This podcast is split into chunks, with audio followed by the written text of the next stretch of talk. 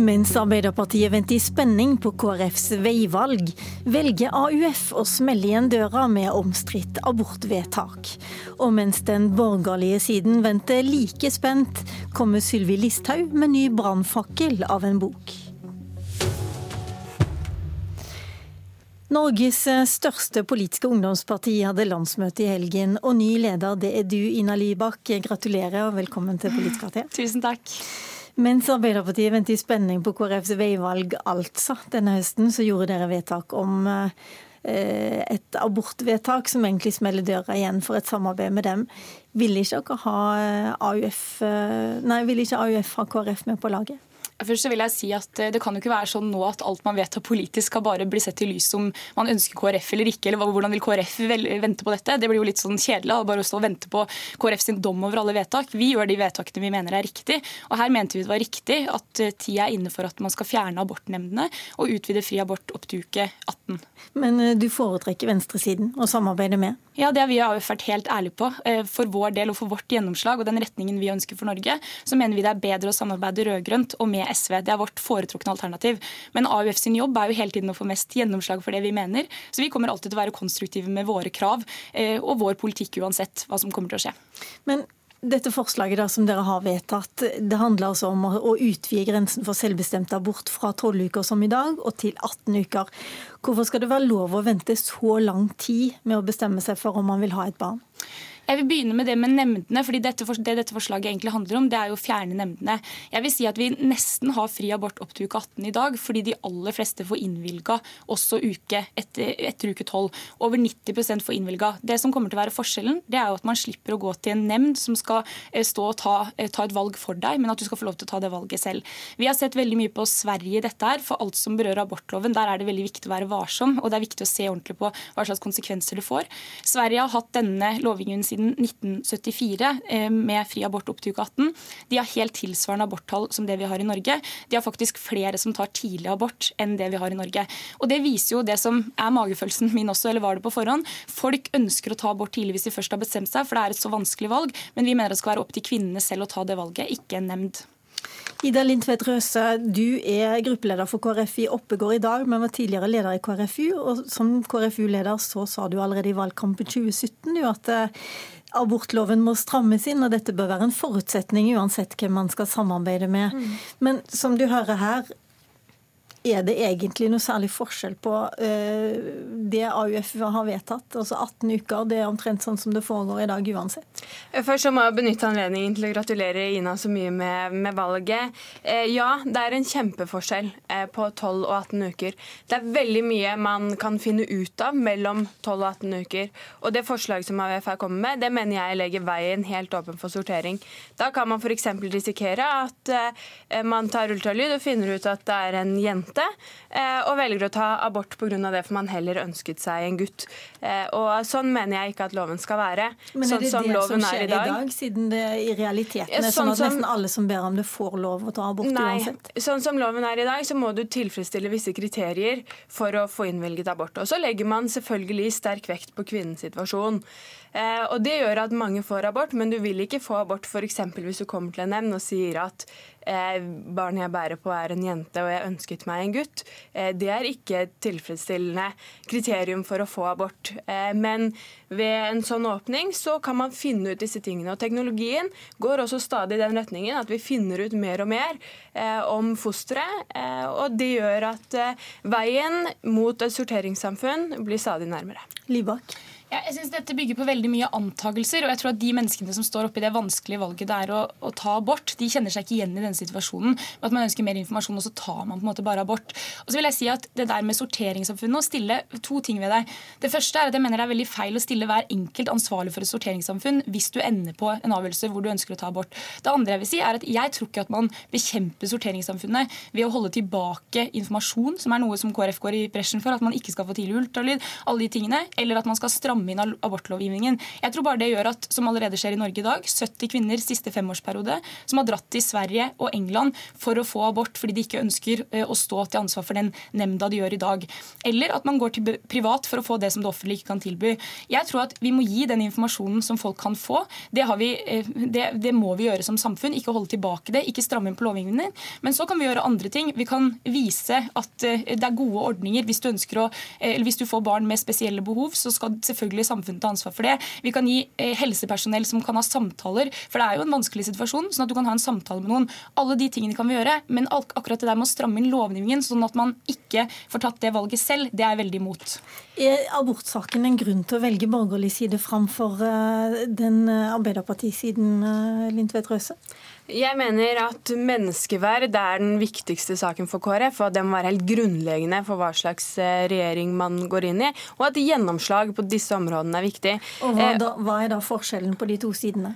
Nei, Erna har i hvert fall åpnet for at man skal få gjennomslag på dette. Sånn at eh, det vil være viktig i hvert fall å se hva man kan det samme som Ja, ikke sant? Og Derfor så må det jo være viktig da, å gå inn i forhandlinger og se hva man kan få på de ulike sidene. Men, så er det, det du sier nå, er det ikke et argument for veivalget til KrF? Jo, jeg mener det er et argument for å gå til borgerlig side først, for å se hva man kan få gjennomslag for der, ettersom at Erna har åpnet for det.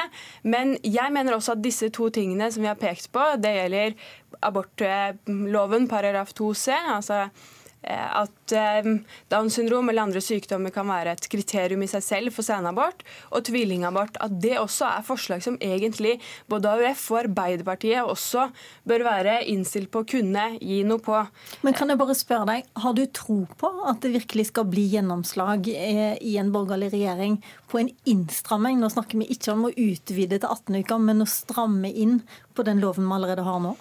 Ja, eh, jeg har det. Og jeg vil heller ikke egentlig kalle det en eh, innstramning av retten til selvbestemt abort, som venstresiden ofte kaller det for. Fordi det handler ikke om det. Det handler om hvilke kriterier som skal ligge til grunn for å få senabort. Og det handler om tvillingabort, en mulighet som ikke var mulig da man lagde abortloven, som nå har blitt teknisk mulig, og som vi ikke har hatt en diskusjon på. Man har bare hatt en lovtolkning på. Sånn at disse to tingene mener jeg virkelig at det bør være mulig å få gjennomslag for. Og så må jeg bare si at Ina sier at hver enkelt blir satt til ansvar. Nei, jeg stiller ingen kvinner til ansvar for at vi går mot et sorteringssamfunn. Det er kun politikerne alene sitt ansvar. Og politikernes oppgave det er å vedta lover. Og Derfor må vi vedta okay. lover som sikrer at vi ikke går mot et sorteringssamfunn. Libak til slutt. Ja, jeg vil si at jeg ble veldig skuffa da landets statsminister Erna Solberg sa, at hun ville eh, gå inn i forhandlinger om abortloven. Eh, de som bruker paragraf 2c, eller som akkurat nå sitter og vurderer fordi de vet at de kommer til å få et alvorlig sykt barn, sitter de vurderer hva skal jeg gjøre med den situasjonen. De fortjener at politikk er viktigere enn at man bare slenger ut at for abortloven kan man godt forhandle om. I sånne viktige etiske spørsmål så mener jeg at man må sette noen grenser, og der er vi helt tydelige. Ingen innskrenkelse av abortloven. Ok, Det får bli siste ord i den debatten. Tusen takk skal dere ha. Abonner på Politisk kvarter som podkast, og få sendingen rett til din mobil. I morgen kommer Sylvi Listhaug med ny bok. I den første setningen skriver hun at det sies at uansett hva jeg gjør, skaper det oppmerksomhet. Foreløpig har det vekka mest oppsikt at Listhaug i boka si går langt i å forsvare Facebook-innlegget som felte henne som justisminister. Boka skal ikke legges fram før på en pressekonferanse i morgen, og Listhaug sjøl ville ikke være med i dag. Men først, hvorfor er det knytta så stor spenning til denne boka, kommentator Magnus Takvam?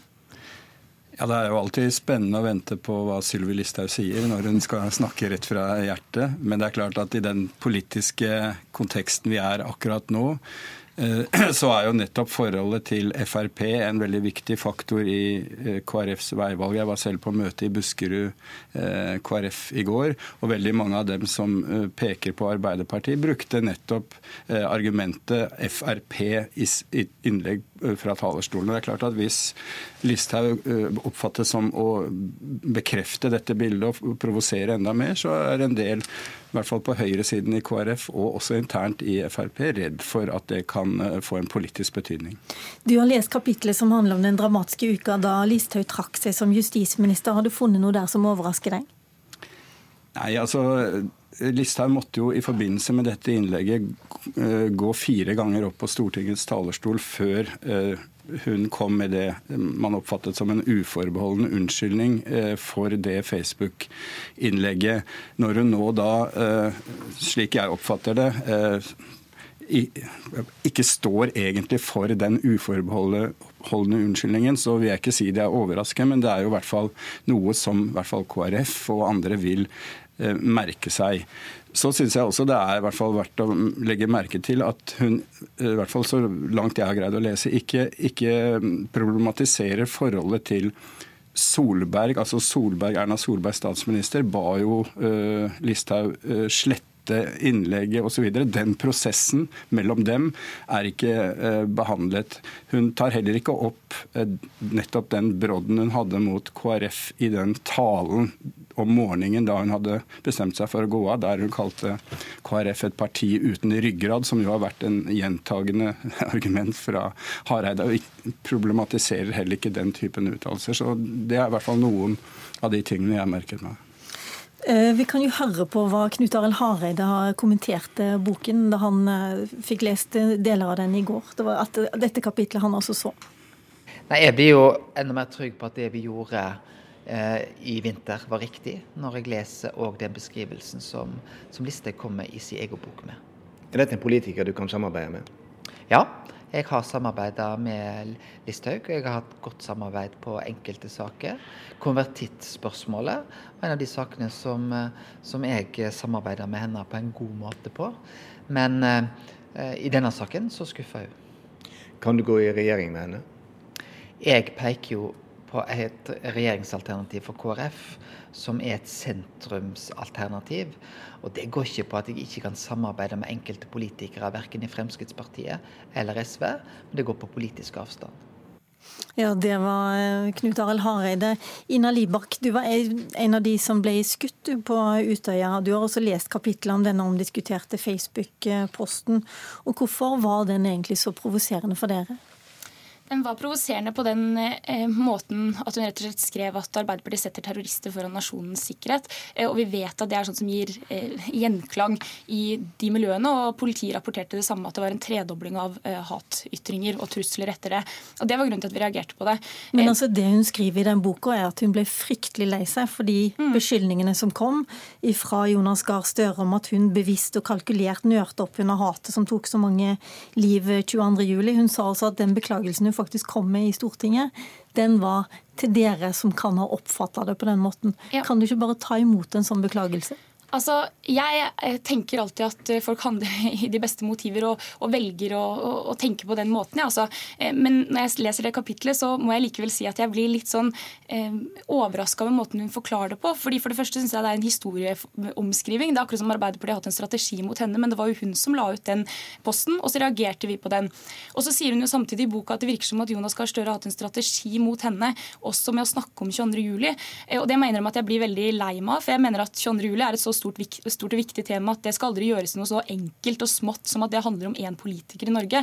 Det handler jo om hvordan vi som nasjon skal huske det som skjedde, og unngå at det skjer igjen. Det er mye større enn at det er en strategi mot Sylvi Listhaug eller noen som helst andre. Men det handler rett og slett om hva skal vi huske fra den dagen, hvordan skjedde det angrepet, hvorfor skjedde det angrepet. Eh, og det er jo i alles interesse at vi husker det. Det er det eneste terrorangrepet vi har hatt i Norge. Eh, og Sylvi Listhaug, som ofte snakker om at hun vil diskutere terror og hvordan vi skal bekjempe terror, hun burde jo i hvert fall være interessert i å snakke mer om det eneste terrorangrepet Norge har hatt. Men eh, da må jeg vende meg til deg, Magnus Takvam. For Sylvi Listhaug vil altså ikke svare på dette foreløpig. Men er 22.07 blitt et politisk spill? Altså det slik oppfattes det i hvert fall av noen. det har jo vært flere eksempler. Eh, jeg husker Per Sandberg også fra Stortingets talerstol eh, kom med uttalelser som provoserte eh, de som var i salen fra Arbeiderpartiet. Slik at på den måten har det ved gjentatte anledninger blitt tema for den typen politisk spill. Og det tror jeg kanskje de aller fleste ser er, er noe man bør og, og skal unngå. Nå er det jo sånn at eh, I går, eh, for å gå tilbake til det som faktisk er et spill, mm. nemlig spillet om KrFs eh, sjel og framtid, så var det jo sånn at på tre fylkesårsmøter i går så var det de røde som vant fram. Hvordan tror du denne boken kommer til å spille inn i den diskusjonen som kommer nå? Jeg vet ikke om det får så veldig stor betydning, men det vil jo gi næring til de som eh, argumenterer med at å gå i, gå i regjering med Frp er eh, en selvstendig grunn for, for, et veivalg. Og det er klart Alle ser at uh, Sylvi Listhaug potensielt kan bli leder av Frp. Hun er blitt nestleder, eller konstituert nestleder slik at perspektivet med hva slags Frp kommer eh, om noen få år, er jo en veldig viktig og interessant faktor for KrF og sentrum.